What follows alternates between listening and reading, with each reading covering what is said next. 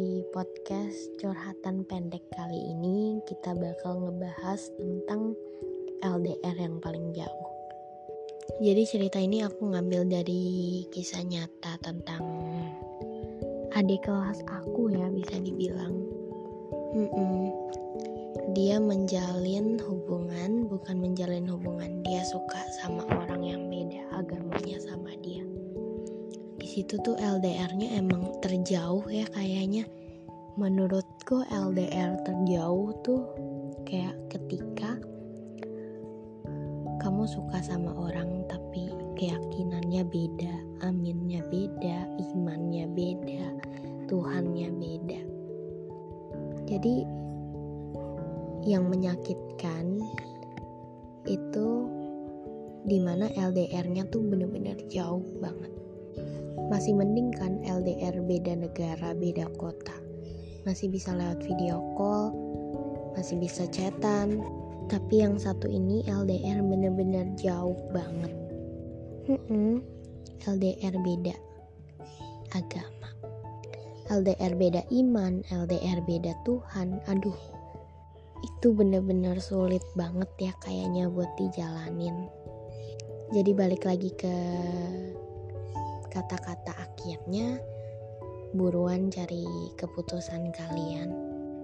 Cari keputusan yang benar-benar tepat.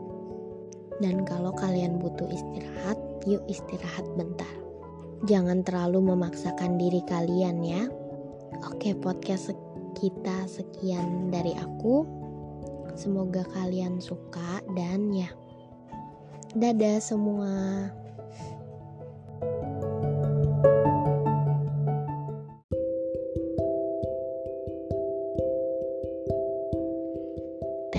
tes halo. Um, apa kabar kalian semua? Semoga baik oke? Okay. jadi di malam hari ini eh nggak malam deh.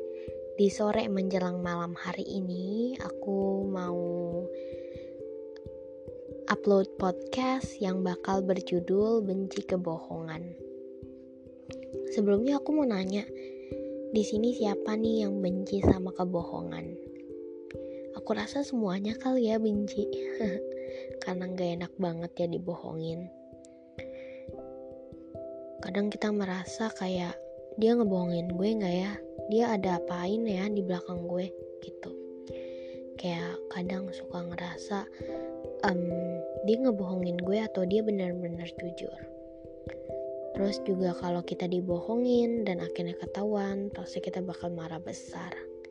Ya, itu salah satu kebencian hampir semua manusia, ya kan? Aku yakin kita semua hampir benci sama yang namanya kebohongan. Dengan kebohongan itu terbongkar, kita nggak bisa kondisiin diri kita sendiri. Kita nggak bisa kendaliin diri kita sendiri semarah apa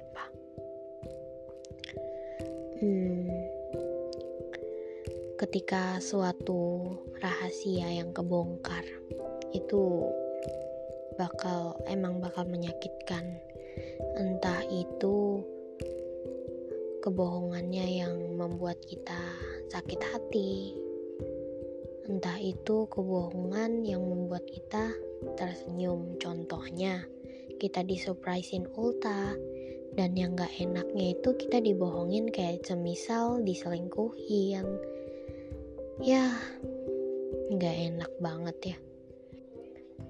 Jadi aku mau dukung kalian semarah apa pun kalian harus bisa kalian kontrol diri kalian kendaliin emosi kalian ya. Kalian harus lihat situasi dan kalian harus mikir kenapa ya dia bisa ngelakuin kebohongan ini.